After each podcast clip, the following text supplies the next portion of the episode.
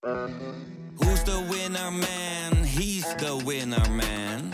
Is hij miljonair? Geen idee, maar nou en. Je hebt geen jackpot nodig to be a winner man. Oh oké, dat is wel lekker man. In de podcast Radio Romano met Noortje Veldhuizen Marcel van Roosmalen. En met Roelof de Vries. brengen we alle drie elke week een zogenaamde signalering mee. Wat heb jij nou weer bij je? En aan het eind bepalen we wie de winnaar van de week is. Echt een angstcultuur aan het Lege worden. huls die je er bent? Ja, dat gaat eigenlijk altijd onvriendelijk. Luister nu naar Radio Romano bij Podimo. Via podimo.nl slash Radio Romano luister je 30 dagen gratis. Zoals de overheid zich meestal onvoldoende realiseert van burgers afhankelijk te zijn, realiseert de volksvertegenwoordiger zich onvoldoende van uitvoerende diensten afhankelijk te zijn. De geloofwaardigheid van de wetgeving die hier in deze Kamer wordt vastgesteld en van het beleid dat hier wordt goedgekeurd, is afhankelijk van de uitvoerbaarheid op de werkvloer en de effecten voor de burgers. Dit is Betrouwbare Bronnen met Jaap Jansen.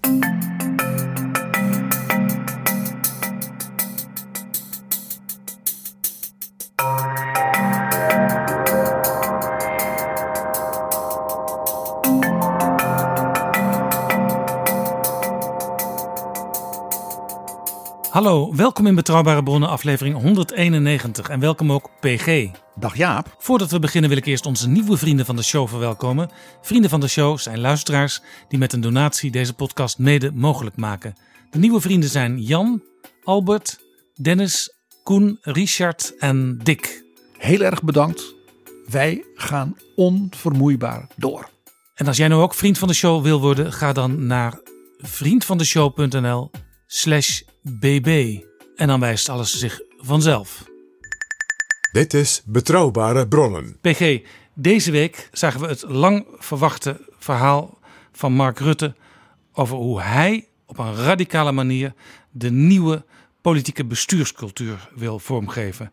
Dat werd gevolgd op woensdag door het Tweede Kamerdebat over het verslag, het eindverslag van informateur Cenk Willink over zijn bevindingen in de kabinetsformatie. En dat debat dat eindigde met het aannemen van de motie Kaag-Rutte, waarin Mariette Hamer, de voorzitter van de Sociaal-Economische Raad, werd aangewezen als opvolger van Cenk Willink als nieuwe informateur.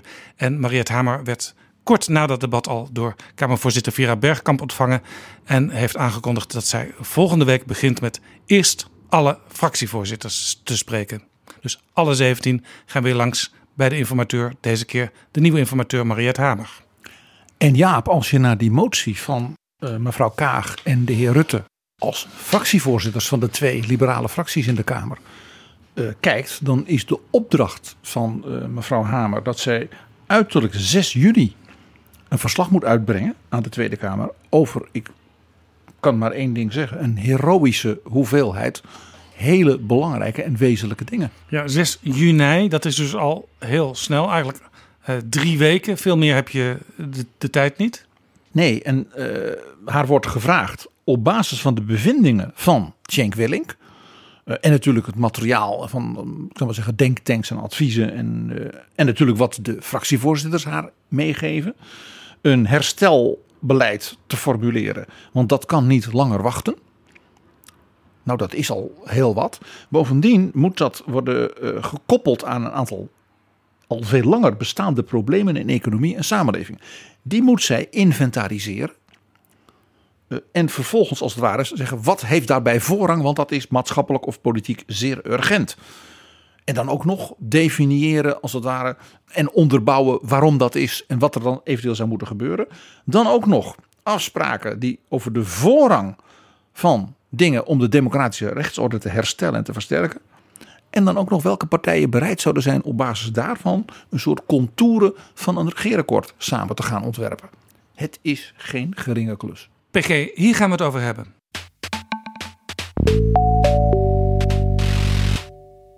PG, laten we eens een aantal eh, begrippen doornemen die we de afgelopen week gehoord hebben. Wat ik zelf een hele mooie vond, waren rooksalonbijeenkomsten. Dat is een nieuw woord voor achterkamertjes. Ja, dat was iets, iets heel opmerkelijks. Dat debat in de Tweede Kamer deze week. Dat begint eigenlijk traditiegetrouw, wat ook zijn positie is in de hiërarchie van grote naar kleine partijen. Uh, met uh, Geert Wilders, die zich afvraagt: uh, wat doen wij hier eigenlijk? Dat vraagt hij altijd. Want uh, bleek al de dag voor het debat dat er een motie zou komen waarin Mariette Hamer gevraagd zou worden de nieuwe informateur te zijn. En Wilders zei: ja, blijkbaar is dat al ergens besproken. Waarom weet ik dat niet? Ja, mevrouw de Vos, dat is een belangrijk punt. Want wat zitten we hier de hele dag te doen als we nu al weten van de heer Rutte dat hij gewoon met mijn verkracht verder gaat. En dat we gewoon dadelijk met een kabinet Rutte 4 komen te zitten waar de messentrekkers van de ChristenUnie worden vervangen door de Partij van de Arbeid. Ik... Dat is wat er gaat gebeuren. En dat is een grote farce. We kunnen net zo goed naar huis gaan nu. En Toen hij riep ook ik... dat het allemaal bekokstoofd was en dat het een poppenspel was. Ja. En nou, het hele nep-parlementbetoog ging weer ja. over tafel. En toen dacht ik, ja, wat wil je nou eigenlijk? Er is dus een groot Tweede Kamerdebat. In de openbaarheid, transparanter kan het niet. Wordt via een motie uitgesproken: wij willen uh, deze nieuwe informateur aanwijzen. Uh, het lijkt eigenlijk wel of Wilders toch weer terugverlangt naar de achterkamertjes. In ieder geval uh, dat achterkamertjes niet deugen zolang hij er niet voor uitgenodigd wordt. Het was heel interessant, Jaap, want hij was niet de enige. Uh, ook mevrouw Marijnissen en mevrouw van der Plas en uh, andere uh, woordvoerders... die beklaagden zich over het feit dat voor de rooksalonbijeenkomsten... dat ze dan niet gevraagd waren. Ja, de rooksalon, dat is de, de, de, eigenlijk letterlijk de rooksalon naast de oude Tweede Kamerzaal. Vroeger zat je daar dus te paffen en te overleggen in uh, diepe fauteuils. Daar staat nu een hele grote tafel. En helemaal aan het begin van de kabinetsformatie, de dag na de verkiezingen van 17 maart, toen zijn daar de fractievoorzitters bijeengekomen. En die hebben toen eigenlijk een eerste stap gezet in de kabinetsformatie onder leiding van toen nog, van toen nog Kamervoorzitter Khadija Ariep. Om uh, die twee verkenners van toen, weet je nog wel, PG. En dat was een succes. Mevrouw Joritsma en mevrouw Olongeren en het aan te wijzen. En het interessante is dus nu dat, dus die, dat die fracties zich beklagen over het feit dat die besloten rooksalonbijeenkomsten er dus niet waren geweest. En dus wel nu blijkbaar die openlijke discussie met een kamermotie en wat dan niet. En dat ze dan, als het ware, ze hadden eigenlijk een uitnodiging willen hebben voor weer zo'n besloten bijeenkomst. Nou is ik vond dat wel heel interessant. Als ik het goed heb, is er ook geen rooksalonbijeenkomst geweest om Cenk Willink aan te wijzen. Uh, dus het is ook wel een beetje van, ja, uh, er moet blijkbaar altijd iets te klagen zijn voor bepaalde Kamerleden. Het kan gewoon niet geheimzinnig genoeg. En ja, uh, laat ik zeggen, dat is natuurlijk toch een groot eerherstel voor de oude politiek. PG, het wachtwoord van deze tijd is nieuwe bestuurscultuur. Ja, en ik ga nu een lofrede houden op Lilian Marijnissen. Want die zei in het debat dat ze eigenlijk een soort verbod op dat begrip wilde. Want ze had het over dat vreselijke woord bestuurscultuur. Want ze zegt, daar gaat het helemaal niet om. Ik vind het niet alleen een heel lelijk woord in zichzelf. Maar veel interessanter, ik vind het vooral een heel verhullende term. Cultuur, alsof het uh, iets niet politieks is. Cultuur, dat is immers toch iets wat, ja, een soort gebruiken en gewoonten die we samen met elkaar ontwikkelen. En wat ons betreft is dat een verkeerde gedachte. Dit is in alles politiek. Het kinderopvangtoeslagschandaal is in alles politiek. Het door het neoliberalisme aangejaagde individualisme. Het doorgeslagen geïnstitutionaliseerde wantrouwen van de overheid in mensen is in alles politiek. Volgens mij, Jaap, zag jij mij bijna bravo roepen en applaudisseren toen ze dat riep. Want inderdaad, dat woord bestuurscultuur laat staan een nieuwe bestuurscultuur. Uh, dat is een verschrikkelijke terminologie. Het is ook vooral heel modieus. Uh, het is net, net nieuw wasmiddel met extra bloesemgeur. Uh, en het slotwoord van ex-informateur inmiddels Cenk Willink tot de Tweede Kamer over een aantal van zijn diepe overtuigingen ten aanzien van het functioneren van de parlementaire democratie. Dat slotwoord dat kreeg hij niet alleen gewoon een, bijna een soort ovatie van de Kamer en terecht. Maar in feite viel hij daar mevrouw Marijnissen volstrekt bij. Dat het is veel dieper dan alleen maar we moeten wat dingen wat handiger organiseren. Dat mensen makkelijker kunnen bellen. Het gaat veel dieper en de Kamer moet zich dat ook heel erg bewust zijn Want anders, zoals hij al eerder zei, gaan we het probleem niet oplossen. Zoals de overheid zich meestal onvoldoende realiseert van burgers afhankelijk te zijn, realiseert de volksvertegenwoordiger zich onvoldoende van uitvoerende diensten afhankelijk te zijn. De geloofwaardigheid van de wetgeving die hier in deze Kamer wordt vastgesteld en van het beleid dat hier wordt goedgekeurd, is afhankelijk van de uitvoerbaarheid op de werkvloer en de effecten voor de burgers. Het stelselmatig verwaarlozen door de politiek, en dan heb ik dus niet alleen over deze Kamer, met politiek Den Haag, van de uitvoerbaarheid van wetgeving en beleid. Het gebrek aan politieke belangstelling voor de problemen die de professionals op de werkvloer ondervinden, leiden tot rampen. Niet alleen voor burgers, ook voor uitvoerende diensten. En dat zijn niet alleen slachtoffers van de kindertoeslagaffaire en niet alleen de Belastingdienst. Het wantrouwen, soms cynisme, bij de uitvoerders jegens de politiek is dan ook groot. En dat schaadt het aanzien van het parlement. Hij schreef het heel scherp, Jaap. Wat was het ook alweer? Als de controleur niet anders gaat functioneren, zal de gecontroleerde, dus bijvoorbeeld de ministers of de departementen en uitvoeringsorganisatie, ook niet anders kunnen functioneren. Zoals een betrouwbare overheid een voorwaarde is voor herstel van vertrouwen van de burger, is een betrouwbaar parlement een voorwaarde voor herstel van vertrouwen van de professionals op de werkvloer.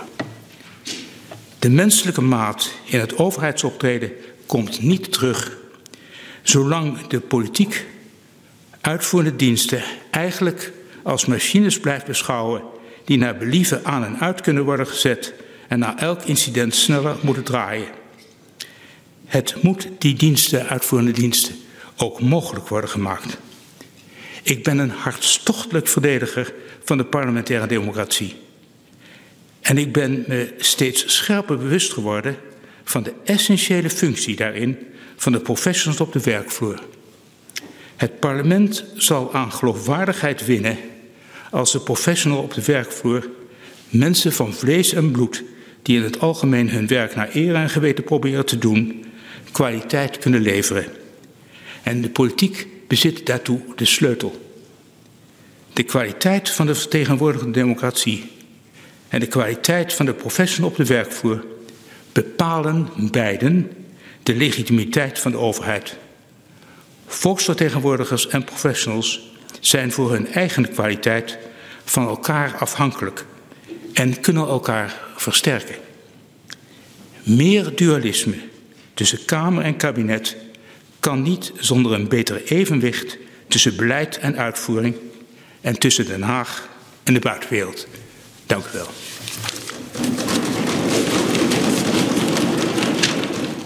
Ja, dit is ook een beetje waar we het in uh, de vorige aflevering over de kabinetsformatie ook over hadden. Uh, en waar we het ook met Tjibbe Joustra over hebben gehad in ons gesprek met hem.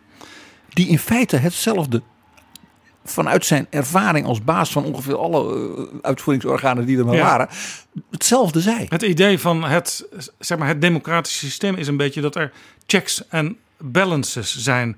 Uh, Montesquieu die had het over de trias politica. En daar zit het probleem. De trias politica in Nederland, zo bleek uit het rapport van Chris van Dam.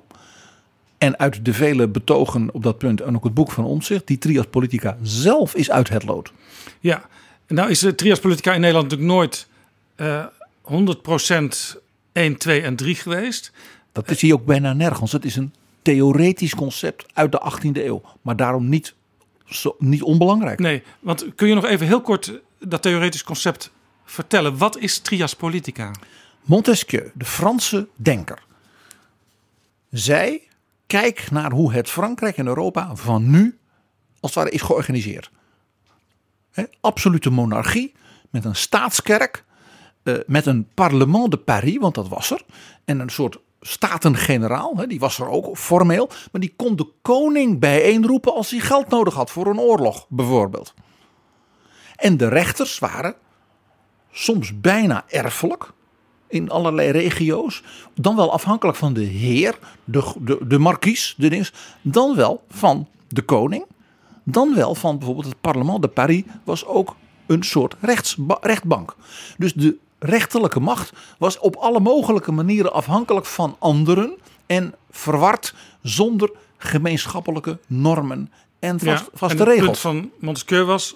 je moet die functies voor een groot deel scheiden. Scheiden? Ze hebben hun eigen rol te spelen. Je moet ze scheiden, je moet ze elkaar. Dat is uit de Amerikaanse variant van Montesquieu is die term checks and balances gekomen, dus evenwichten en bewakingen. Waarbij dus die wetgevende macht een zelfstandige betekenis heeft. Dat is natuurlijk een grote verdienste geweest van met name de Amerikanen met de grondwet van Philadelphia. De, de executieve, uitvoerende macht, wat in Amerika dus in de president zit, ja, dat hij een eigen positie heeft, maar niet zoals een koning, als het ware, omdat hij van God is of anderszins, van zijn vader of, of zijn grootmoeder, ja, Eh, eh, en daarmee als het ware alles bepalen kan. Dus een eind aan de absolute monarchie als zeg maar, expressie van de executieve en de rechterlijke macht onafhankelijk. Daarom dat die oprechters in Amerika voor het leven zijn benoemd. Ja, het begon dus ooit onder de koning met een, eigenlijk eh, zou je kunnen zeggen, een zeer monistische interpretatie van hoe het systeem zou moeten werken. Namelijk alles vanuit de koning bedacht en in dienst van de koning uitgevoerd. En daarom is de republiek van die zeven Verenigde Nederlanden ontstaan. Omdat de ultieme, briljante, ijverige, zich helemaal kapotwerkende koning Philips II van Spanje dat hele wereldrijk als absoluut monarch dacht te kunnen beheersen. Het werd uiteindelijk natuurlijk zijn ondergang. En toen is er dus gezegd, toen eh, langzamerhand zeg maar, de, de liberale burgerij ook eh, zijn rol ging opeisen. eh, er moet een duidelijker onderscheid tussen die verschillende functies van de staat eh, plaatsvinden. En die moeten elkaar in evenwicht houden. Dat is de balances van checks en balances. Die checks zijn er dus niet om zichzelf. Ja, en als dus een van die onderdelen uit het lood dreigt te slaan, dan moet, Is de hele zaak uit het lood. ja, en dan moet het andere onderdeel eraan bijdragen dat het evenwicht weer hersteld wordt. En wat je nou misschien wel in de eh, politieke cultuur hebt gezien, is dat dat idee ooit omarmd is, maar dat in de loop van de tijd weer, er weer allerlei vormen van monisme in geslopen zijn. Vandaar dat je ook het woord monisme versus dualisme steeds hoort in de discussie. Maar dat is vooral tussen, zeg maar, in het eh, verkeer tussen de, het kabinet en de Kamer. Dus dat is tussen zeg maar, een deel van de executieve en een deel van de wetgevende macht. Ja. Maar dit, is, dit, gaat dus, dit gaat om iets veel wezenlijkers. Want wat bleek bij het rapport van Chris van Dam en de zijnen, dat ook de rechterlijke macht in feite, eh, nou ik zal maar zeggen, niet slipvast had geopereerd naar die burgers die zo in de ellende waren geraakt bij die toeslagenaffaire. En dat de uitvoerende organen van de executieve zeiden, nou we gaan niet iedereen alles vertellen. Zelfs onze eigen bazen ministers niet. Het bleek uit die notulen dat Menno Snel, de bewindslieden van Financiën, in feite ook niet wisten wat er aan de hand was. En de Kamer kreeg dus, als ze al informatie kreeg, niet de volledige informatie. Dan zie je de hele zaak dus uit het lood gaan. Ja, en wat ik ook interessant vond, een opmerking van Cenk Willink in het debat woensdag, was dat die uitvoerende diensten, die worden door de politiek, dus ook door de Kamer, vaak beschouwd als machines. Je kunt er dus blijkbaar aan, aan draaien, aan, het, aan die tandwieltjes, om het allemaal wat sneller te laten werken. En wat, Hij gebruikte zelfs de term aan- en uitknop. Dan wel dat je als het ware hem sneller, eh, harder laat lopen. ja, Hij zei dat zijn dus geen mensen. Dat was het punt. Het, dus het feit dat de menselijke maat onder druk staat of erger. Heeft ook te maken, dat was zeer kritisch. Dat hij zei hoe u ook als Kamer, let op, dus als wetgevende en daarmee ook als de uitvoerende macht door de Kamer gecontroleerd. Denkt over dus die uitvoeringsorganisaties. Niet als mensen. nee. En dan krijg, Als je machines. en dan krijg je bijvoorbeeld dat de thuiszorg steeds moet noteren elke zoveel minuten wat ze aan het doen zijn. Omdat dat ooit ergens door iemand in Den Haag met blijkbaar steun toch ook van de politiek is eh, bedacht. En dus denkt dat die, thuis, dat die alfa-hulpen, Dan dat kunnen mensen van de thuiszorg zijn. niet meer als mens functioneren. Omdat zij de klanten ook niet meer als mens kunnen eh, helpen. En nog gekker, Jet Bussemaker zei tegen jou en mij: Ik stelde vast tot mijn verbijstering dat als ik tegen de Kamer zei: daar moeten we mee stoppen, want dat ontmenselijkt en bureaucratiseert tegelijkertijd die zorgverlening. Dat zowel haar ingreep als die van haar opvolgers en zelfs ook recent nog weer van Hugo de Jonge gewoon niet gerealiseerd kon worden. En daar zie je dus dat machinale denken. Dat is een machine en die moet zo werken, want anders dan staat die stil. Nou, die formuleringen, die analyse van Cenk Willink geeft dus aan dat het veel meer is. En daarom terecht die opmerking van Lilian Marijnissen dan een bestuurscultuur. Ja, en eh, het is dan ook zeker niet iets wat je met een gesprek van 20 minuten in nieuwsuur uit de wereld kunt helpen. Uh, dat sowieso niet. Dat sowieso niet. Maar er speelt natuurlijk nog iets. Uh, dat kwam ook duidelijk naar voren.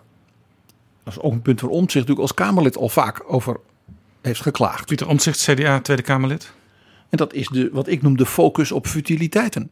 Je ziet dus ook dat de Tweede Kamer bij dat verlies van evenwicht zich gaat richten op Kamervragen, mondeling, schriftelijk over de meest recente eruptie in een krant of in de media. En daar moet de bewindslieden dan maar op reageren. Op uh, de eindeloze reeks spoeddebatten, die blijkbaar allemaal geen spoed blijken te hebben, want ze worden nooit gehouden. Uh, het feit dat zelfs moties van uh, wantrouwen een soort botmes geworden zijn. Want als je bij elk debat maar begint met een motie van wantrouwen, dan wel andere moties die bedoeld zijn als een, de Kamer, dus het parlement die de regering in beweging wil zetten, wil moveren. Ja, dat dat gewoon uitspraken zijn van uh, we, willen dat het morgen mooi weer wordt. Dus de motie die in vroegere tijden ja, zelden werd gebruikt en dan dus ook echt een betekenis had, is helemaal weg. Dus de Kamer heeft door die focus op futiliteiten roepen we hebben nu roomboter uit Nederland in het Kamerrestaurant en dat is een grote overwinning. Uh, zichzelf dus ook hier de das mee omgedaan. En ook dat punt was iets waar Cenk Willink natuurlijk vrij scherp naar de Kamer op wees. U bent ook vooral allereerst zelf aan zet. Ja, zei dat er wel een kanttekening bij moet worden gemaakt. Dat is bijvoorbeeld in de kindertoeslagaffaire eh, hebben we dat kunnen zien. Er moesten ook steeds vragen uit de Kamer worden gesteld. Omdat er blijkbaar steeds onvoldoende en onvolledig informatie aan de Kamer werd gegeven door de regering. Die ook vaak dus zelf niet wist, weten we nu onder andere dankzij de notulen, hoe het zat. Omdat ze dat uit die apparaten niet kregen. Dat is wat ik noem die volledig uit het lood zijn van alle drie de delen van de trias politica. En dat de Kamer dan dus en weer vragen en weer vragen. Daarmee wordt dat mes dus bot als je niet oppast. En dat is dus wat we nu zien. Ja. Een ander begrip, PG, wat we steeds horen, we hebben het er ook al een aantal keren over gehad in betrouwbare bronnen, is macht en tegenmacht ja, die terminologie die vaak wordt uh, uh, verbonden met uh, omzicht en zijn boek. laat ik zeggen, wat ik het meest vermakelijke vind, maar dat bedoel ik wat ironisch, is de, de, de, de orgeltoon waarmee met name Mark Rutte als Kamerlid en fractieleider van de VVD dat in bijna elke interruptie die pleegt, elke vraag die hij stelt gebruikt. Alsof hij het boek zelf geschreven heeft. En zo zie je dus dat ook zo'n terminologie uh, vrij snel als het ware aan slijtage onderhevig is. En ik ook zeg, gelet ook op weer dat slotwoord van uh, Willink en ook dit debat en de goede elementen in dat debat, waar we het ook, over, ook zeker over zullen hebben, is dat het dus niet om tegenmacht gaat. Het gaat om dat machtsevenwicht binnen die trias politica. Dat die weer dus gebalanceerd is. Dus dat de checks en de balances ook alle twee weer realiter bestaan en werken. Ja, toen Rutte het in Nieuwsuur had over zijn radicale ideeën, toen noemde hij onder andere, ja, er moet weer echt gedebatteerd worden. Dus zowel in het kabinet als in de Kamer. Dus er moet minder in achterkamertjes uh, gedaan worden. En hij kreeg een soort aanval van nostalgie naar het kabinet Den Uil, zo bleek. Dat was toch wel een heel bijzonder moment. Ja, wat uh, op zich heel grappig is, want de jonge Mark Rutte die zag uh, zijn vader altijd van ergernis uit zijn stoel opstaan zodra Joop den Uyl op televisie verscheen. En de huidige Mark Rutte die zit vaak met zijn vriend Jort Kelder op een waddeneiland in de vakantie naar oude kamerdebatten waar Joop den Uyl een hoofdrol in speelt te kijken. Ze houden blijkbaar toch stiekem van goede gereformeerde preken, Jaap. Maar goed, minder achterkamertjes, meer debat. Dus informatie makkelijker vrijgeven, meer menselijke maat, betere toegang tot het recht. Ja, daar kreeg hij enorm op zijn vet, omdat zijn partijgenoot uh, Sander Dekker ongeveer op dezelfde dag in de Kamer uh, iets riep van ach dat hoeft allemaal niet en dat gaat allemaal prima. Ja, de kritiek op wat Rutte heeft gezegd in Nieuwsuur is dat het allemaal niet nieuw was. Klopt ook, want Rutte heeft een aantal dingen zelf ook al genoemd. En ja, een aantal dingen zijn in feite ook open deuren. Alleen ze moeten wel weer gedaan worden, want ze waren een beetje achter de horizon verdwenen. En om de Kamer nog wat tegemoet te komen, zei Mark Rutte in het eh, Kamerdebat van woensdag. Ja, ik heb eigenlijk in 2006 eh, over die radicale ideeën al, al een plan gemaakt, een negen punten plan. Toen was ik net tot VVD-leider benoemd. Hij is eigenlijk vanaf dag nul van zijn leiderschap van de VVD, zo wekte hij de indruk, een ongelooflijk radicaal geweest. Een soort combinatie van uh, Hans van Mierlo en Robespierre in één persoon.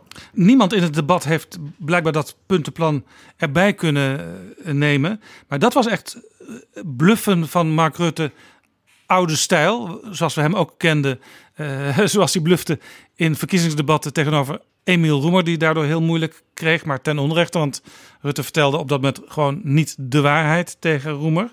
Ik heb dat negen plan dus uh, opgezocht. Nou, bleek op internet, op de VVD-website van nu, een pagina te komen. Daar staat op, we kunnen de pagina niet vinden, probeer het nog eens of ga terug naar de homepage.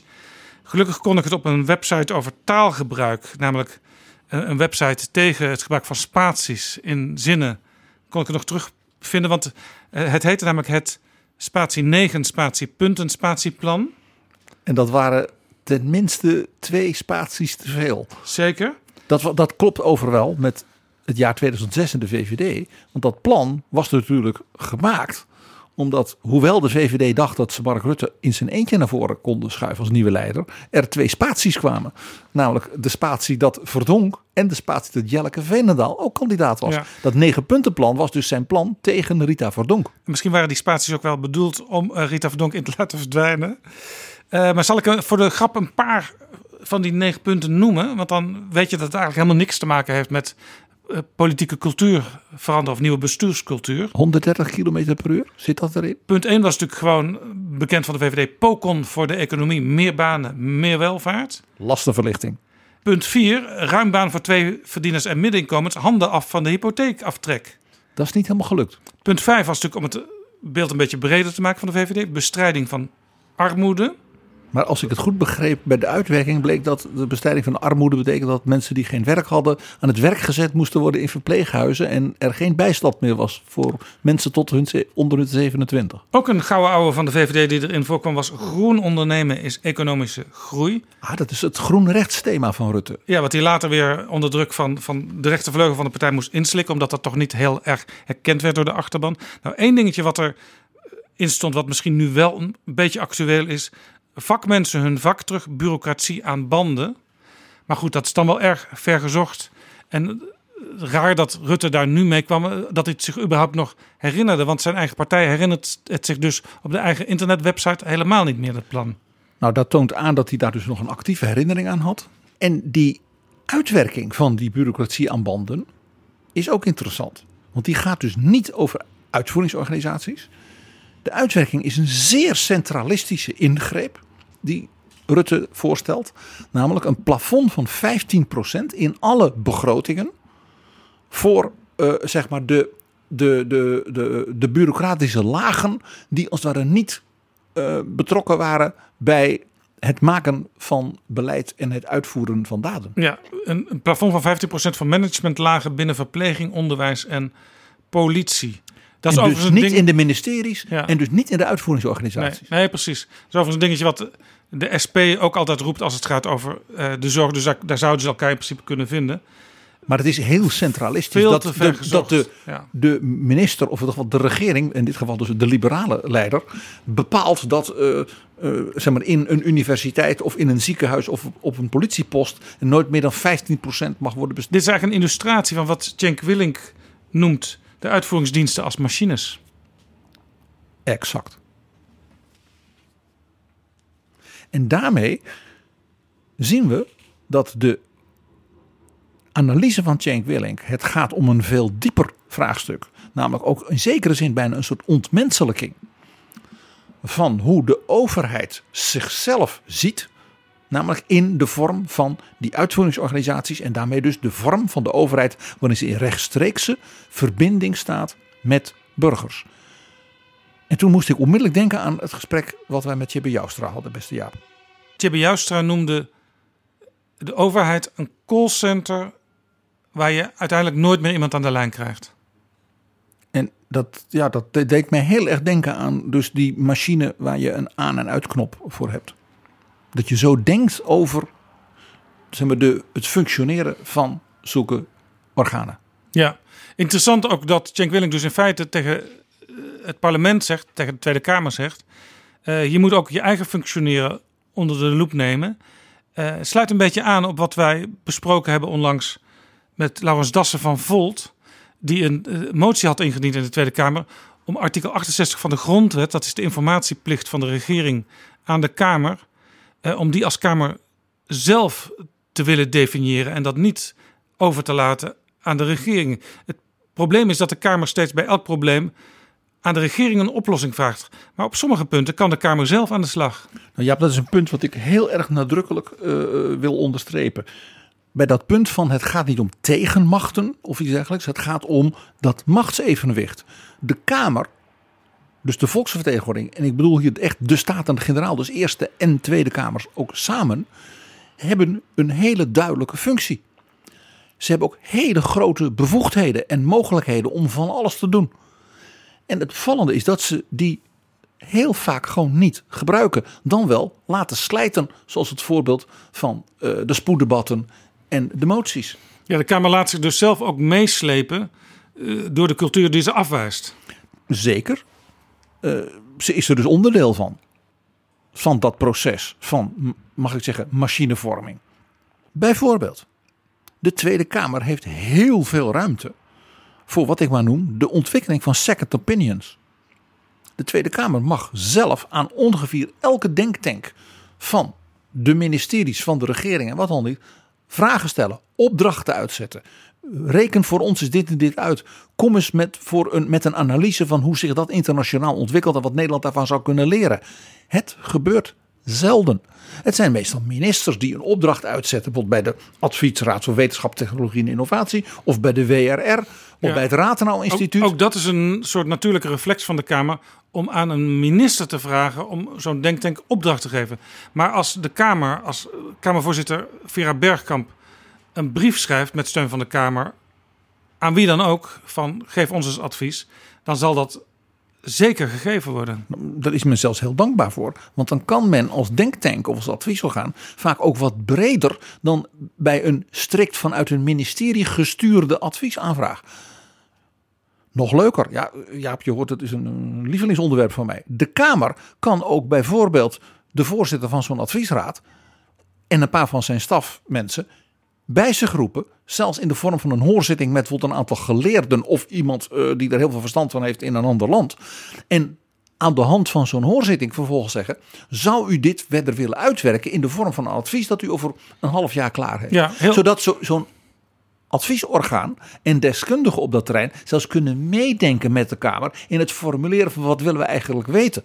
Dat is heel iets anders wanneer je dan tegen de minister zegt: kunt u uw ambtenaren dat niet laten regelen? Ja, en dat kan ook bij het, uh, het lopende beleid. Voorbeeld daarvan, de Kamer heeft het een aantal keer gedaan, hoor, maar volgens mij gebeurt het nog steeds niet structureel. De Kamer kan ook de eurocommissarissen uitnodigen. Die gaan over het beleid waar die Kamercommissie over gaat. Nou, daar, daar zeg je wat. De Kamer heeft ook gezamenlijke debatten over de staat van Europa met het Europees Parlement. De manier waarop men dat organiseert, dat, dat men elkaar zelfs niet mag interrumperen. En dat noemen ze dan een dialoog. Dat is natuurlijk in het kader van de checks en balances. Zijn moet zeggen, we zouden juist als parlementariërs op Europees niveau en nationaal niveau met elkaar, misschien zelfs wel een gemengde commissie Europa moeten vormen, eh, om veel krachtiger op dat punt, zowel de ministers over wat doet u dan in Brussel, als in Brussel en wat doet u dan met Nederland ja. in de discussie te brengen. Ja, de, de, de, de Europarlementariërs die komen één keer per jaar voor het debat over de staat van de Unie naar de Tweede Kamer. En dan spreken zowel de woordvoerders van de Tweede Kamerfracties als de woordvoerders van de Nederlandse delegaties in het Europees Parlement. Maar die laatste mogen dan inderdaad niet geïnterrupeerd worden. Ze mogen zelf ook niet interrumperen. Dat is natuurlijk een beetje in de hand gewerkt, waarschijnlijk omdat dat debat plaatsvindt in de plenaire zaal van de Tweede Kamer. Maar je kunt ook zeggen, ja, dan gaan we dan voortaan de ridderzaal. Maar waarom doe je daar zo moeilijk over? Jaap, de Kamer bepaalt zelf zijn orde. Als de Kamer zegt, wij willen indringend discussiëren over Europa. En dat is maar één keer per jaar. Vind ik niet zoveel. Ik zou elk voorzitterschap dat doen. Dus tenminste twee keer per jaar. Maar goed. En wij willen dan een debat hebben, echt een discussie en argumenten wisselen met Sophie in het veld, met Tom Berendsen, met Bas Eickhout. En dan moeten ze dus mogen interrumperen. En dan moeten zij ook geïnterrumpeerd kunnen worden. En het zijn echt geen doetjes daar in dat Europarlement, die mensen. Dat kunnen ze echt wel. De Kamer beslist dat zelf. Nog een voorbeeld. De zogenaamde methode Duisenberg. De Kamer heeft met toen voorzitter van de vaste commissie Financiën, Pieter Duisenberg van de VVD, een experiment in gang gezet over hoe de Kamercommissies, met als het ware behulp van de commissie Financiën, de begrotingsvoorstellen en andere grote financiële projecten van ministers zou kunnen analyseren en bevragen. Dat je goede vragen stelt. Dat je daar als het ware ook de rekenkamer desnoods als adviseur bij betrekt. Nou, dat werd de methode Duisenberg genoemd. Hoe doe je dat? Uh, hoe pak je dat aan? Toen heeft de Kamer gezegd: Nou, meneer Duisenberg, uh, u zit toch in de commissie onderwijs ook. U van de coalitie toen, het kabinet Rutte 2, Michel Rog, CDA van de oppositie. U gaat als duo voor die Kamercommissie als het ware die methode Duisenberg toepassen. En wij geven u input daarvoor. Ja, de Kamer kan dus zelf al heel veel realiseren. Daar hebben ze helemaal de regering niet voor nodig. Sterker nog, ze kunnen de regering daarmee dus in de juiste manier en de checks en de balances versterken. En daar kun je dus bijvoorbeeld ook hier weer, ik noem het al even, een rekenkamer bij betrekken. Jij noemde al even de motie Dassen. Ja. Er was ook in datzelfde debat de motie Kuik van Anne Kuik van het CDA over een toetsing aan de grondwet van wetgeving. Die beide moties zijn uitspraken van de Kamer dan moet de Kamer eigenlijk ook zelf dus nu het initiatief nemen voor de uitvoering daarvan. Dus benoem maar een bijvoorbeeld gemengde commissie van Eerste en Tweede Kamer om deze twee constitutionele thema's uit te werken. Dan moet je dus vooral niet zeggen, kan mevrouw Ollongren bijvoorbeeld ons een voorstel doen? Kamer, pak het zelf aan. Nou, een voorbeeld, we hebben er uitgebreid uh, over gehad. Jaap, zelfs de hele geschiedenis van de club uh, behandeld. De Venetië-commissie. Ja, de Venetië-commissie gelieerd aan de Raad van Europa. En dus de mensenrechtenwaakhond. Die is op voorstel van Pieter Omtzigt gevraagd door de Tweede Kamer om een analyse te komen maken van eh, de staat van de rechtsstaat in Nederland. Dat is iets wat ze al doen, wat de Kamer gelukkig al doet. Voor het eerst. Maar dan zeg ik, de moet de Kamer ook weer niet wachten tot bijvoorbeeld de minister van Buitenlandse Zaken zegt: ja, die mensen komen uit het buitenland, dus daar ga ik over. Nee, de Kamer moet zeggen: wij benoemen een groep Kamerleden. Ik zou ook weer zeggen, gemengd Eerste en Tweede Kamer. Die met die Venetië-commissie gaat praten. Wat willen wij dat u vooral in Nederland eens heel kritisch onderzoekt? Wat wilt u zelf de stukken gelezen hebben onderzoeken? Met wie wilt u praten? Met de WRR? met de Raad van State, met uh, staatsrechtgeleerden van de universiteit of de Academie van Wetenschappen, dan kunnen we dat voor u organiseren. Wij zouden ook heel graag met organisaties uit de samenleving, ook de slachtoffers van de uh, toeslagen ellende, ja, je moet, een, een hoorzitting. Je, je moet zo'n visitatiecommissie, want dat is het eigenlijk, eigenlijk ja, zo goed mogelijk faciliteren. Want uh, dan heb je ook uiteindelijk het beste resultaat. Je zou bijna inderdaad moeten kijken hoe in universiteiten en hogescholen een visitatie en accreditatie georganiseerd is. Dat zou inderdaad een ja, interessante... Nou ja, daar gaat die Venetië-commissie uiteindelijk zelf over. Ja, maar dat is een interessante gedachte. bij helpen. Nou, nog een voorbeeld, uh, Jaap. Uh, de motie Jetten. Ja, er is een motie Jetten aangenomen door de Tweede Kamer die eigenlijk uitspreekt dat de Tweede Kamer uh, ja, beter ondersteund moet worden. Want het verhaal is natuurlijk altijd: een Kamerlid heeft anderhalve man en een paardenkop als assistentie. Dus iemand die de enveloppen opent en af en toe nog eens wat e-mails uh, beantwoordt. En uh, ook dan wat mensen voor beleidsondersteuning. En maar, tegenwoordig ook filmpjes maakt. Van, maar dat is niet heel veel als je dat vergelijkt met ministeries waar vaak duizenden ambtenaren zeker in de uitvoering, maar ook in de beleidsvorming, een, een minister ondersteunen. Nou, die motie Jette is aangenomen. Daar zit toch nog wel weer een beetje dus onder de sfeer in van we vragen het kabinet om wat extra geld aan ons te geven. Come on. De Tweede Kamer gaat daar zelf over. Als de Tweede Kamer zegt: wij willen bijvoorbeeld een veel steviger. Uh, ook financiële ondersteuning van experts op dat terrein. Die voor ons dingen uitrekenen. Dat we niet alleen maar de rekenkamer hebben. Gewoon een eigen zeg maar, financieel bureau een eigen onderzoeksinstelling voor bijvoorbeeld second opinions. Of dat je dat, die dat organiseert voor je. Dan moet de Tweede Kamer gewoon zeggen, daar willen wij, daar willen wij 50 miljoen voor. Ja, je speelt en, dan, waarschijnlijk... en zegt de Tweede Kamer gewoon tegen het kabinet, en dat, dat, dat, dat, dat, u zorgt maar dat dat er is. Je speelt waarschijnlijk ook de, de bescheidenheid mee, uh, die de Kamer ook part speelt als het gaat om eigen inkomen. Daar is nog wel iets voor te zeggen, want dan gaat het echt over het persoonlijke inkomen. Maar als je gewoon om. Sober en doelmatig. Om net je als heen met de verbouwing. als Tweede Kamer. eh, Als je kijkt naar hoe dat bij andere eh, parlementen georganiseerd is. dan zie je dat die vaak veel meer mogelijkheden hebben om diepgaand onderzoek te doen. Nou ja, Jaap, dan raak je, wat mij betreft, meteen een volgend punt. Je zou hierbij gewoon eens moeten gaan kijken en vooral leren van heel succesvolle voorbeelden van parlementaire ondersteuning. Van, ik zal maar zeggen, dat evenwicht in de trias politica. En dat dat natuurlijk nu anders is dan 100 jaar geleden. Laat staan onder Torbekke. eh, dat spreekt voor zich. Dus kijk nou eens naar ontwikkelingen in andere landen. Ik geef een heel concreet voorbeeld. De, de, de, zeg maar de studiedienst van de Bundestag in Duitsland. Die is zo goed dat er bepaalde politici zelfs erop zijn betrapt. Dat ze dus eh, uh, zeg maar, dat ze notities en memoranda daarvan, daarvan, gebruikten om vervolgens die te verstoppen in hun proefschrift. Zodat ze een, een proefschrift door de universiteit beoordeeld kregen. Ja, was zo een, goed. eh, Een, een, een CDU-minister die daar betrapt werd. Ja, en hij niet alleen. Dat, dat bleek meer voor te komen. En ook dat men bijvoorbeeld boeken publiceerde over een groot onderwerp. Ik noem het hè, klimawandel. En dan bleek er hele grote delen bleek het werk te zijn van de studiedienst van de Bundestag. Nou, één ding geeft dat aan. Dat het dus heel erg goed materiaal is. Ja, want het is dus blijkbaar herkenbaar als eh, hoge kwaliteit. Zo hoge kwaliteit. er werd- men vroeg zich af hoe, hoe kan eh, die minister of hoe kan eh, dat Bundestaglid eh, daarop zijn gekomen. Die heeft wel heel veel verstand hiervan. Ja, maar ik zeg dit nu wat raillerend. Maar dat geeft dus aan dat dus de, de, de fundering van de debatten op die manier. door Dus door onafhankelijk een onafhankelijk bureau. Een studiedienst heel veel beter kan. Je ziet het in het Europees Parlement. met hoe zij werken met zogenaamde rapporteurs. Dat ze een groot onderwerp eh, zeggen van dat geef, wij geven één bepaald Europarlementariër, die benoemen we ook tot rapporteur namens het hele parlement. Dus die moet met de collega's wel goed afstemmen.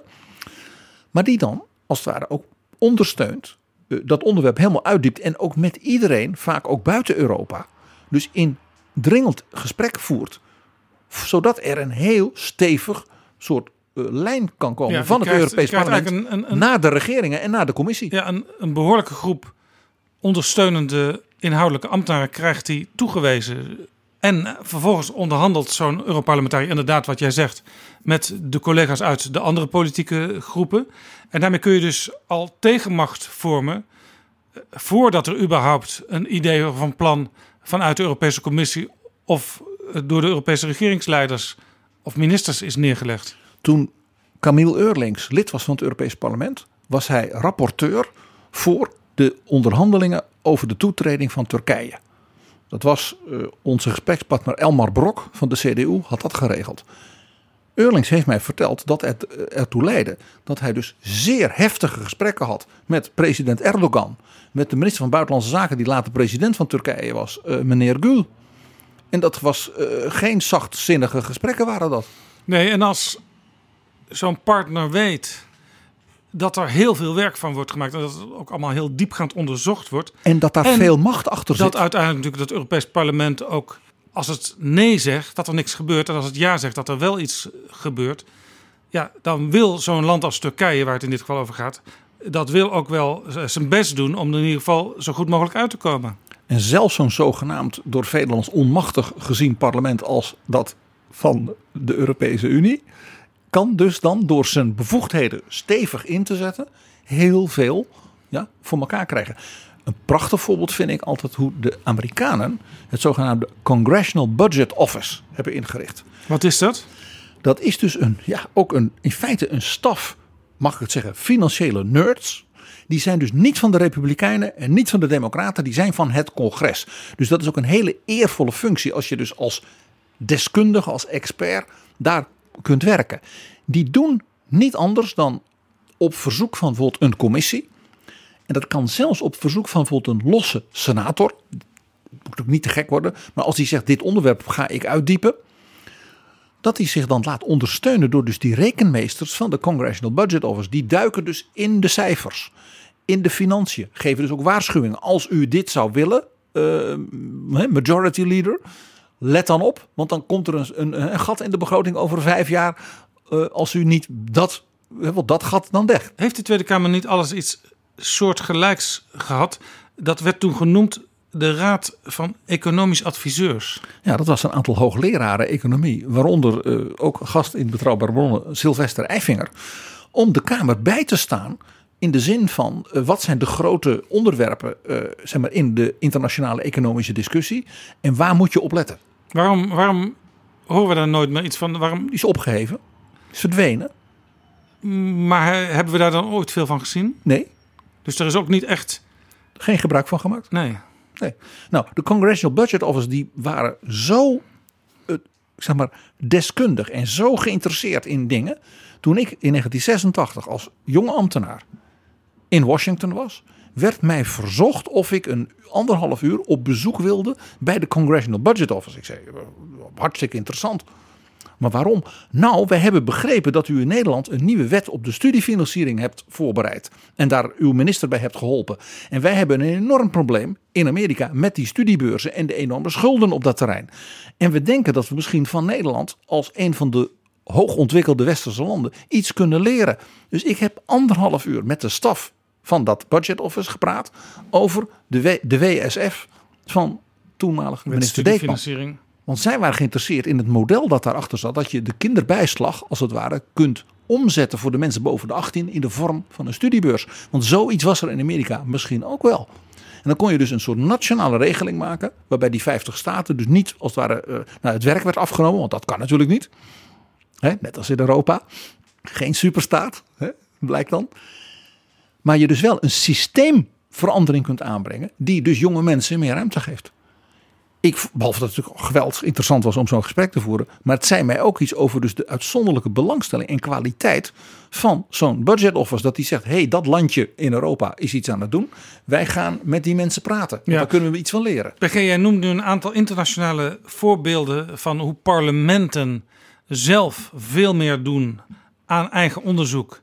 En dus daarmee ook de macht en tegenmacht weer meer in balans brengen. En dus ook een minister en een departement kunnen uitdagen op kwaliteit, op kennis ja. Eh, in zouden, de discussie. We zouden dit dus zelf kunnen gieten in de vorm van een advies wat wij namens betrouwbare bronnen aan de Tweede Kamer geven. Namelijk eh, nodig een aantal mensen uit, uit die verschillende parlementen van hoe doen jullie dat daar? Hoe zijn jullie daartoe gekomen? Wat zijn de ervaringen? Loopt alles naar wens of zijn jullie zelf ook vernieuwingen aan het aanbrengen? Want daar kunnen wij als Tweede Kamer of als Nederlands parlement in een brede van leren. Er zijn oud Tweede Kamerleden die later Europarlementariër zijn geworden. Uh, er is nu een Europarlementariër van de Partij van de Arbeid die Kamerlid is geworden. Katipiri. Katipiri. Die zou je op dit punt als ware ook al van denk eens mee. Ik zit zelf, het schiet nu zo door mijn hoofd, oud voorzitter van het Europees Parlement. Hij is uh, politiek wat uh, ja, in zijn partij, de SPD, wat aan de zijkant geraakt. Maar een Martin Schulz zou iemand kunnen zijn die je op dat punt zeker heel goed kunt aftappen. Ja, en bijvoorbeeld Malik Asmani, die is vanuit de Tweede Kamer naar het Europees Parlement gegaan. En die heeft waarschijnlijk ook wel dingen gezien in zijn eh, twee jaar dat hij nu in, in Brussel en Straatsburg zit. Van hey, dat ik daar als Kamerlid eigenlijk nooit aan gedacht heb dat je ook op die manier problemen kunt aanvliegen als parlement. Mag ik nog één voorbeeld noemen van zeg een initiatief van de Tweede Kamer. Waarvan je toen dat begon, dat was in 2014 dat je dacht, wat ongelooflijk leuk dat de Kamer op die manier zijn functioneren als het ware verrijkt.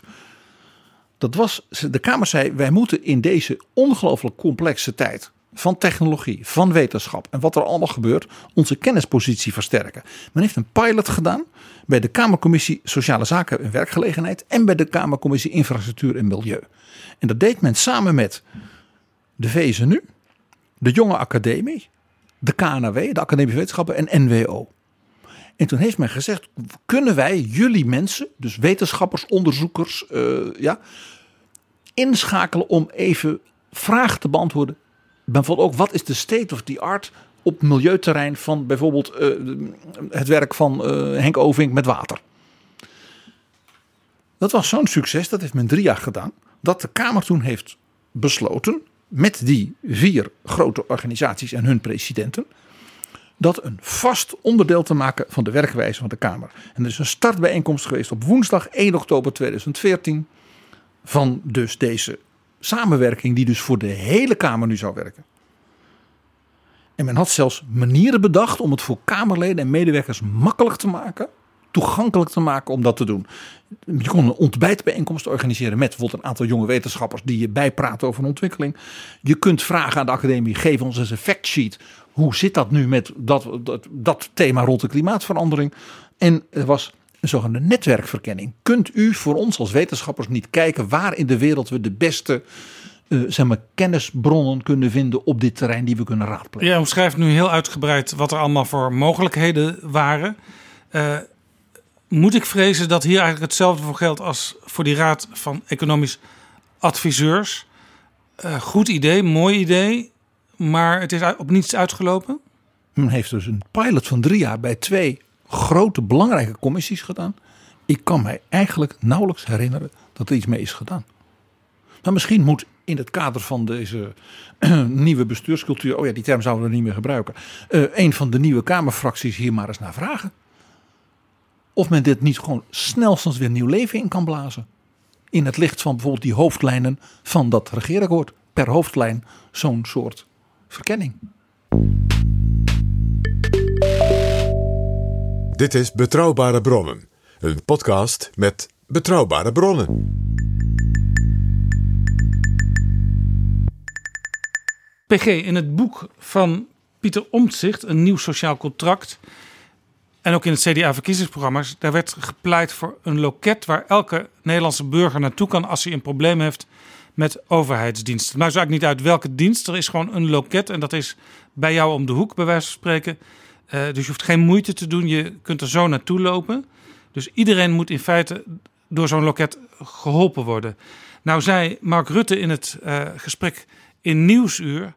Uh, ja, er moet eigenlijk een ambtelijke dienst komen... waar mensen naartoe kunnen als ze een probleem hebben met de overheid.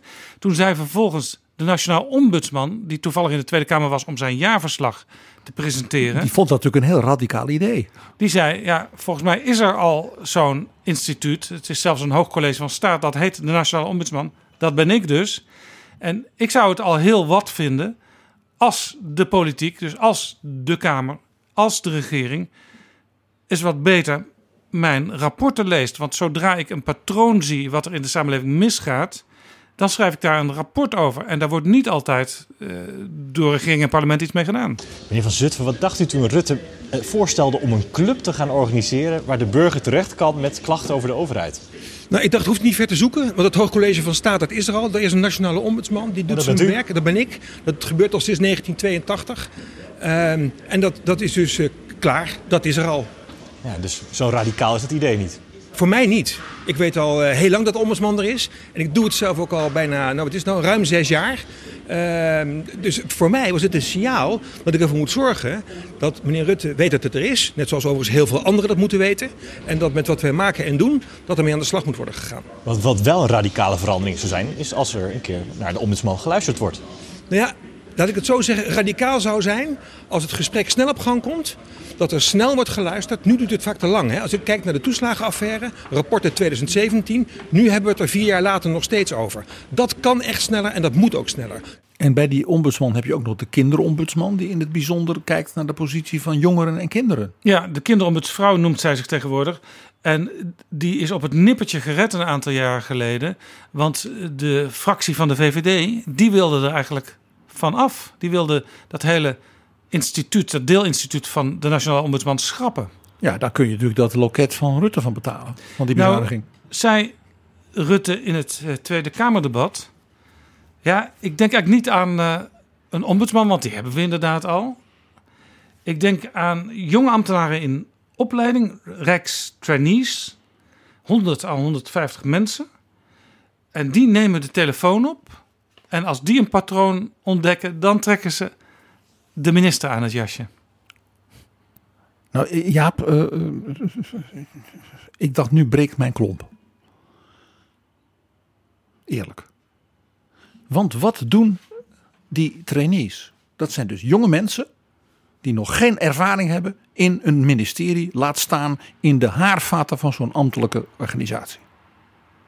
Denk jij dat zo'n trainee die ouders had kunnen helpen die zo in de knel zaten? Ik denk het niet. Ze nemen de telefoon op. Dat hoop je dan. Maar het is in feite een callcenter voor het callcenter. Om het even in hele harde Tjibbe taal te zeggen. Dus je zadelt die jonge mensen met een volstrekt onmogelijke klus op. Ja, het zijn ook mensen die ambitie hebben. Die graag interessante positie willen krijgen. Uh, spannend werk willen gaan doen. En als het even kan natuurlijk ook aan de knoppen zitten. Beleid mee bepalen en zo. Het zijn jonge beleidsambtenaren. Dus ze dus zijn van... Dat, zijn ook mensen die, die er eigenlijk geen belang bij hebben... om het de boven gestelde heel moeilijk te maken. Nou ja, misschien ook wel. Maar uh, het zijn vooral mensen die dus na hun studie...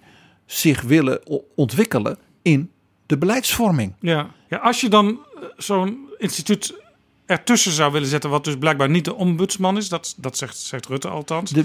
Wat voor mensen zouden dat dan beter kunnen, kunnen doen? Ja, je zou moeten, je zou daar, uh, mag ik het zeggen, uh, beesten moeten hebben die de binnenkant van die apparaten, de minder mooie kanten daarvan, enzovoort, enzovoort, als geen ander kennen. Dat zijn geluk, hopelijk waarschijnlijk hele goede, hele dure mensen. Maar je moet het idee dat je een soort apparaat weer tussen de ministeries, de uitvoeringsorganisaties en burgers zet. Je schuift dus in feite er nog weer een, een extra bureaucratische laag tussen. Want wat moet hij doen, zegt Rutte? Die moet gaan rapporteren als ze trends zien. Ja. Eén ding kun je van die rijkstrainees niet vragen. Dat zij trendwatchers zijn van het functioneren van dat soort zeer complexe apparaten. Dat ga je pas zien als je er vijf tot tien jaar werkt. En dan moet je een hele ja, goede zijn. Dus je hebt eigenlijk types Tjibbe Joustra, types uh, Roel Becker nodig. Om, om om echt bloot te kunnen leggen wat er aan verkeerde ontwikkelingen plaatsvindt. Je zou. Maar eigenlijk zeg je eh, nog eerder, en dat hebben we natuurlijk al vaker vastgesteld in deze aflevering en in vorige afleveringen van Betrouwbare Bronnen. Ga eerst eens kijken wat er allemaal al is aan instituties, wat er allemaal al is aan bevoegdheden van de Tweede Kamer. En ga die gewoon zo goed mogelijk en zo scherp mogelijk toepassen. Want nu verzint men zomaar ja, ins blauwe hinein een nieuwe laag bureaucratie. Als ik het heel onderdeugend zeg, zeg de muur bedenkt een kastje. Om de Nederlandse uitdrukking eens te gebruiken. Dus meer bureaucratie, meer lagen. En het voorbeeld dat uh, fractieleider Rutte van de VVD noemde, was een telefoonnummer in New York. 311. Nou, als je daar nou belt, dan kun je dus klachten brengen, dan wel tips voor de gemeente. Dat vind ik toch echt iets anders. Ja, ja, ja. PG, er is ook nog iets wat je helemaal gemist hebt in al die verhalen over een nieuwe aanpak. Ja, ik, ik had eigenlijk verwacht dat uh, Rutte al in Nieuwsuur, waar hij natuurlijk ook zei: Ik heb geprobeerd met Pieter Omzicht in contact te komen. Nou, ik hoop dat dat lukt, enzovoort, enzovoort. Dat hij zou zeggen: Moet je eens kijken wat ik allemaal al doe om zeg maar, dat sociaal contract en dat boek van hem uh, realitair tot stand te brengen. Het kabinet heeft op 16 april een brief gestuurd aan de Tweede Kamer met een stand van zaken. Wat doen we nu met de moties en het debat over de toeslagaffaire? En daarin wordt gemeld, er is een motie omzicht van Dam. Nou, dat, dan, dan begrijp je, dat is natuurlijk heel zwaar. Ja.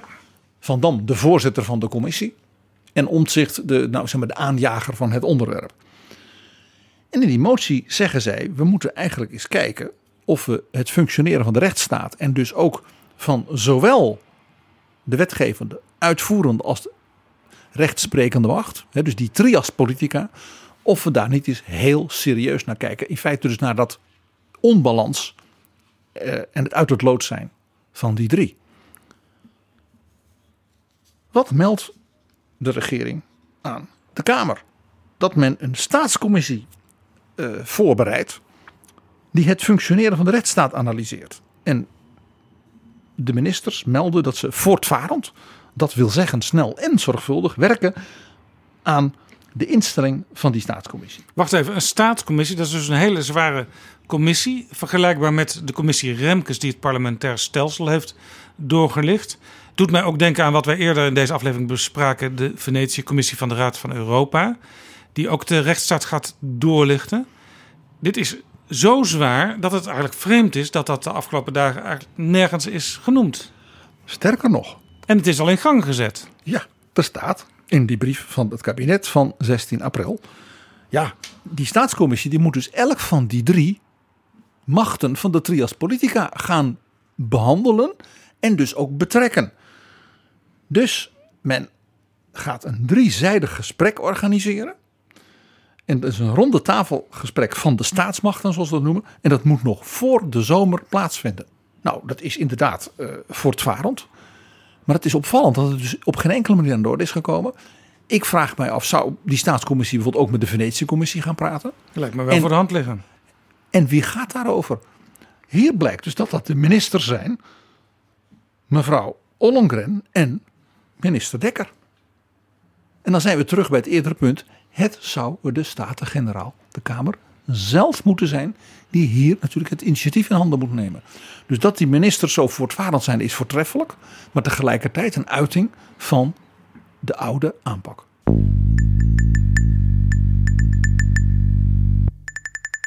PG, in het Tweede Kamerdebat woensdag eh, zag je eigenlijk een scheiding der wegen, om dat woord van Sigrid Kaag nog maar eens aan te halen, tussen eh, twee soorten partijen, twee soorten fracties. En eigenlijk kun je die tweedeling maken aan de hand eh, van de aangenomen motie Kaag-Rutte.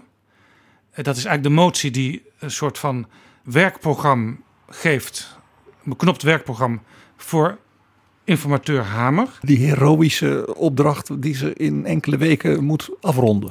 En die, die, die waterscheiding in het debat, uh, die komt er eigenlijk op neer dat... Ik neem aan dus dat, dat, dat er Kamerfracties voor en tegen die motie hebben gestemd. Ja, want je zou kunnen zeggen, de, de fracties die er niet voor hebben gestemd... Uh, dat waren ook de fracties die steeds in het debat weer terugkwamen op...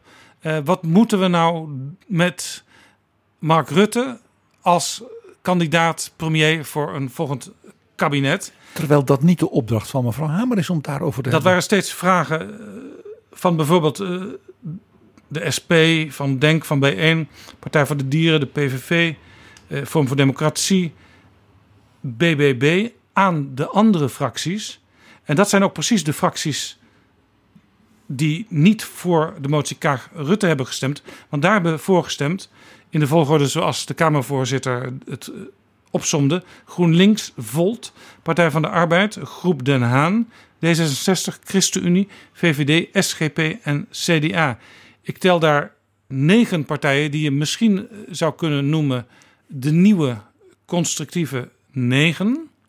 En dat zijn in feite de partijen die nu ook uiteindelijk met eh, Mariette Hamer gaan praten. Zij begint natuurlijk netjes met alle 17 heeft ze aangekondigd. Dus zij gaat ook praten met BBB. Zeker. Ja 21. En al die andere partijen. En die gaan dus aan haar vertellen, wij willen u helemaal niet hebben. Als het niet netjes gebeurt, dan, dan zou, je, zou dat kunnen gebeuren. Maar mijn verwachting is dus eigenlijk dat zij uh, na een aantal dagen verder gaat praten met waarschijnlijk negen fracties die ook die motie hebben ondersteund. Want dat zijn ook de fracties die zeggen: uh, wij vinden het belangrijk om nu op korte termijn over het herstelplan, het crisisherstelplan, te praten. En ook een, al een opsomming te maken van grote maatschappelijke problemen waarvan wij vinden uh, dat we daar ook in de analyse het met elkaar eens moeten worden. Dat dat de problemen zijn. Dat dat de problemen zijn. De Kamer gehoord de beraadslaging, constaterend dat informateur Cenk Willing gebaseerd op een opdracht en de gevoerde gesprekken een inhoudelijk en richtinggevend verslag heeft uitgebracht dat de basis legt voor het vervolg van de formatie. Constaterend dat uit het verslag van informateur Cenk Willing blijkt dat een overgrote meerderheid van de partijen in de komende fase van de formatie de nadruk wil leggen op de gemeenschappelijke aanpak van maatschappelijke uitdagingen. Constaterend dat tevens blijkt dat vrij breed het verlangen leeft naar een andere bestuurstijl en meer dualisme. Wijst op grond van artikel 11.1 punt van het reglement van orde, doctorandus uh, Mariette Hamer aan als informateur met de opdracht om op basis van de bevindingen en het verslag van informateur Tjink Willink de inbrek van partijen, de expertise van departementen, gebruik maken van bestaande rapporten en adviezen en wat de informateur verder nodig acht politieke overeenstemming te zoeken voor herstel of transitiebeleid dat niet los kan worden gezien van een aantal al veel langer bestaande problemen in de economie en de samenleving. Mede op basis van het verslag van informateur Cenk Willing te inventariseren welke andere urgente grote thema's met voorrang moet worden uitgewerkt ten behoeve van een regeerakkoord op hoofdlijnen en hierbij geïdentificeerde doelen en problemen zo precies mogelijk te definiëren en met feiten te staven met de belemmeringen die aan het bereiken van dat doel of het oplossen van dat probleem in de weg staan. Na te gaan welke afspraken erbij voorrang gemaakt moeten worden om de democratische rechtsorde te herstellen en te versterken. Vervolgens te onderzoeken welke partijen bereid zijn zijn om op basis van de door de informateur onderzochte contouren van het te voeren beleid met elkaar de onderhandelingen over een coalitieakkoord te voeren. Hierover uiterlijk 6 juni 2021 verslag uit te brengen aan de Tweede Kamer. Gaat over tot de orde van de dag. Kaag Rutte. Dank u. Mij viel op dat inmiddels ex-informateur Cenk Willink het dictum van de motie van mevrouw Kaag en de heer Rutte als fractieleiders aanscherpte. Zelfs nog. Want zij zeggen mevrouw Hamer moet gaan inventariseren. Dus de andere grote urgente thema's naast het economisch herstelplan. En ook ten aanzien van het herstel van de democratische rechtsstaat. Wat zei Cenk Willink? Mijn opvolger moet die definiëren. Dat is veel meer dan inventariseren. Die moet als het ware ook zeggen: dit is de essentie, de definitie van waarom dat probleem zo'n groot probleem is. En hij zegt daarbij ook dus de belemmeringen dus definiëren waarom het maar niet lukt om bijvoorbeeld op dit punt doorbraken te krijgen. Ja, en die definitie die gaat dus vooraf aan een volgende fase van de informatie. Welke maatregelen gaan we dan nemen? Welke investeringen? Welke wetswijzigingen? welke dingen stoppen we? Welke dingen gaan we intensiveren? Wat gaan we met Europa meer doen? We hoeven het dus in deze fase, zeg maar de komende uh, weken tot aan 6 juni, nog niet eens te worden over de oplossingen, maar het is al een hell of a job om de problemen uh, te definiëren, waar dan vervolgens in een volgende fase de oplossing bij bedacht kunnen worden. En het interessante is dat dus ook uh, welke partijen straks ook verder gaan praten onder leiding van Marie, Mariette Hamer. Uh, dat is eigenlijk nog steeds ook in een onderzoekende fase naar elkaar toe. Ook een beetje om aan elkaar te wennen en te denken van ja, met welke van deze potentiële partners kan ik misschien wel een coalitie aangaan. En zie ik de bereidheid om ook bij een hoofdlijnenakkoord wel met elkaar eruit te komen. Zonder bijvoorbeeld volstrekt ononderhandelbare eisen te stellen. Ja. Van ja, maar ik doe alleen mee als bijvoorbeeld Mark Rutte weer premier wordt. Of ik doe alleen mee als D66 niet weer terugkomt op voltooid leven enzovoort. En als je het zo aanpakt en uh, Cenk Willink die zei eigenlijk al in, zelfs al weken geleden in een tussenrapport dat je het zo moet aanpakken.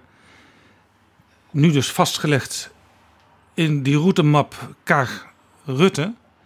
Ja, dan verdwijnt uiteindelijk voor een deel, denk ik ook, uh, die permanente vraag: ja, wat moeten we nu met, met Rutte aan in dat volgende kabinet? Jesse Klaver van uh, GroenLinks had daar een opmerking over.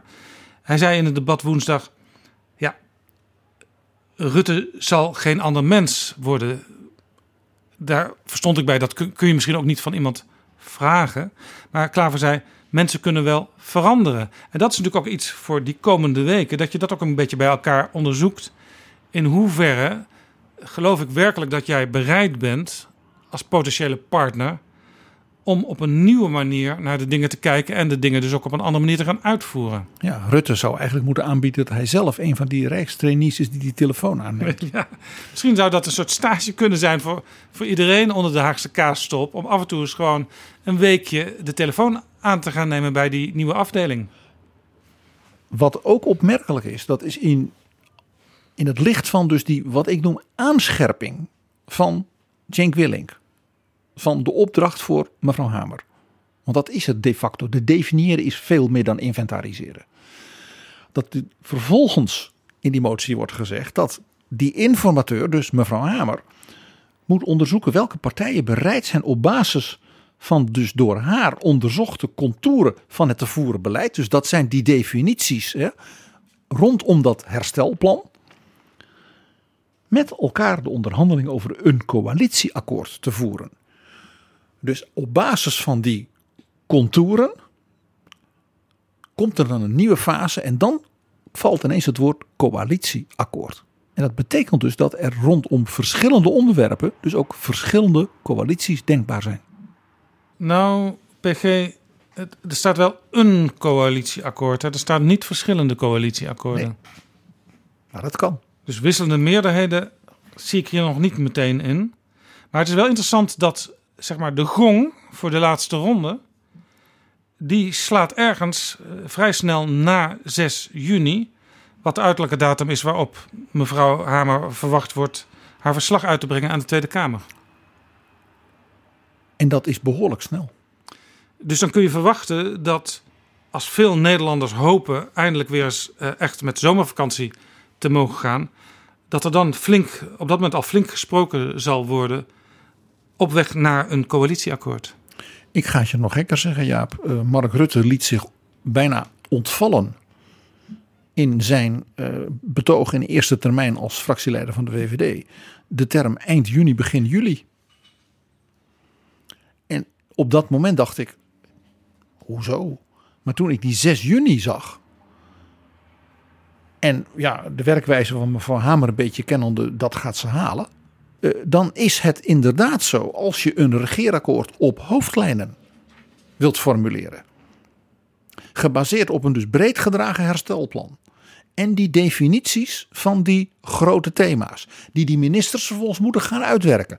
Dan kun je inderdaad die hoofdlijnen in twee, drie weken geschreven hebben. En als het nog een kwestie van een ministersploeg bij elkaar vinden. En ja, dan zou je begin juli kunnen halen. Nou ja, inderdaad. Het punt is natuurlijk, niet voor niets is het Mariette Hamer die is aangewezen. Want zij heeft als voorzitter van de Sociaal-Economische Raad. En ook uh, als betrokkenen bij allerlei andere maatschappelijke discussies. Heeft zij al aan de wieg gestaan van allerlei rapporten over de grote maatschappelijke problemen waar wij nu voor staan. Dus eigenlijk heeft zij al een stapeltje rapporten. Ik moet ook een beetje denken aan uh, Alexander Pechtold bij de interruptiemicrofoon destijds uh, bij het kabinet Balkenende.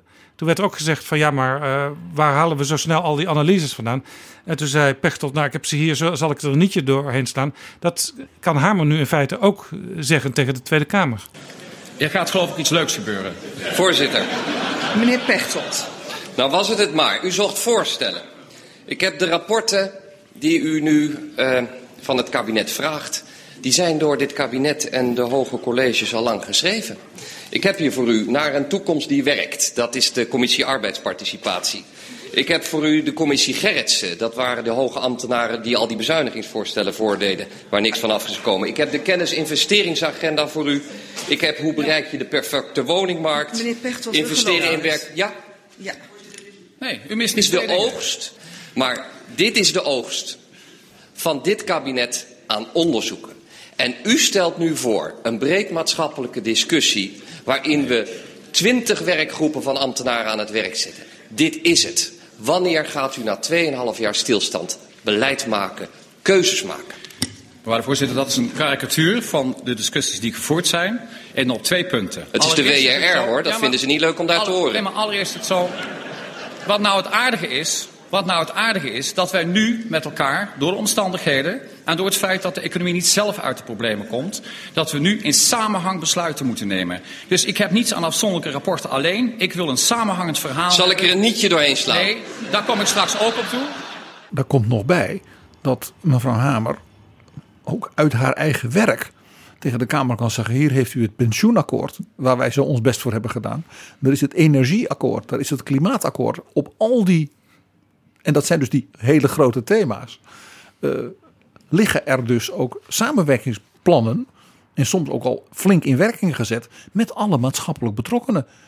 Met het bedrijfsleven. Met uh, de kennissector. Met de vakbonden. Met de jongeren. Enzovoort. Enzovoort. Jaap, als dus die route nou zou worden afgewandeld. En ook in dat tempo. Dan krijg je nog een hele interessante situatie. Eén. Een nieuw kabinet heeft dan nog de gelegenheid om bij de Europese Commissie voor dat recovery and reform plan, zoals Draghi dat voor Italië heeft gedaan, alsnog voor Nederland in te dienen. En we hadden met de heren van Volt vastgesteld dat Nederland op dat punt gewoon achterloopt. Ja? Een grote mond heeft en een vinger opsteekt naar andere landen, maar dat zelf niet levert. En twee, dat nieuwe kabinet kan dan ook al op Prinsjesdag zijn eerste eigen begroting indienen. En dat betekent dus toch tempo. In beide opzichten. Tot slot, PG. Er zijn, wat mij betreft, twee nieuwe Kamerleden die steeds opvallen. De ene is Sylvana Simons van Bijeen, die zeer scherp analyseert, ook aan de interruptiemicrofoon, en daar ook hele goede to-the-point vragen aan koppelt.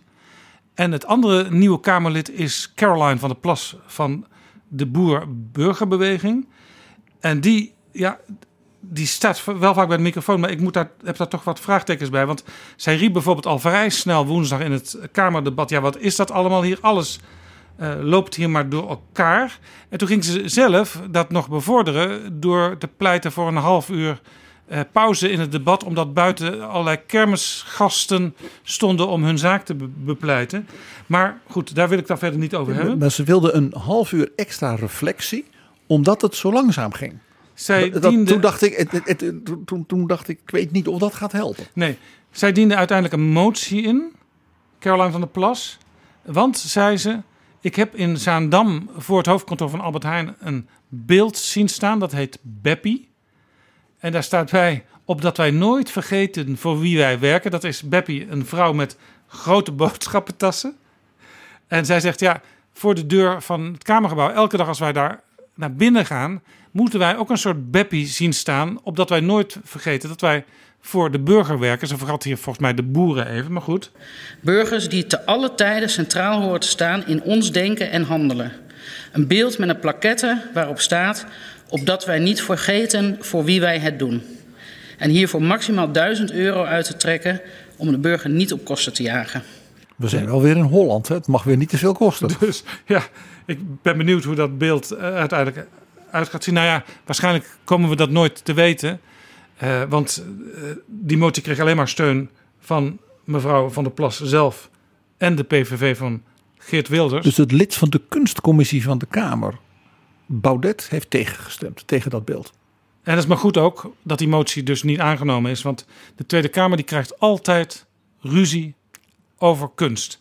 Er is ooit een cadeau geweest bij de totstandkoming van het nieuwe Kamergebouw. Van het kabinet aan het parlement. Ja, aangeboden door minister Hedy Dancona van Cultuur. Zij had de Italiaans-Griekse kunstenaar Yannis Kounelis in de arm genomen. En die heeft uiteindelijk een uh, kunstwerk gemaakt. Een heel groot object van ijzer. Een soort bak. Met daarin hele grote brokken met een pikhouweel uit de rotsen gehakte steenkolen. Ja, PG, dat ding werd in de volksmond, in de wandelgangen, al gauw de kolenkit genoemd.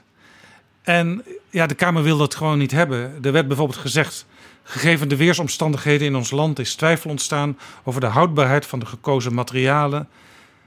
De metalen sokkel kan een roestend aangezicht gaan tonen. De steenkool op de sokkel zal verpulveren in weer en wind. Steenkool is bovendien brandgevaarlijk. Dat schept risico's op een plek die niet eeuwig vrij zal zijn van vandalen. En het brandgevaar in het oude Kamergebouw, daar weten wij van, ja, dat is niet irreëel. En dat terwijl Hedy Dancona, wat mij betreft, toch een aardige beschrijving bij dat kunstwerk had meegegeven. De sokkel draagt geen ruiter, engel of ander symbool van door de hemel verleende macht maar een hoop uit de aarde opgedolven versteende energie. Democratie is mensenwerk.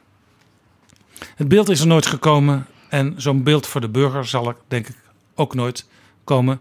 Het lijkt me al heel wat als elke Kamerlid elke dag gewoon die burger voor zich ziet bij elk besluit wat er genomen wordt. Misschien wel de scherpste samenvatting, Jaap, kwam al aan het begin van het debat. Notabene uit de mond van Wopke Hoekstra. We hebben een verantwoordelijkheid om de problemen aan te pakken. En niet voortdurend vooral met onszelf bezig te zijn.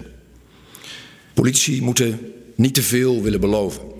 Wij, volksvertegenwoordigers, moeten ook het vooral laten zien. Want vertrouwen komt te voet en gaat te paard.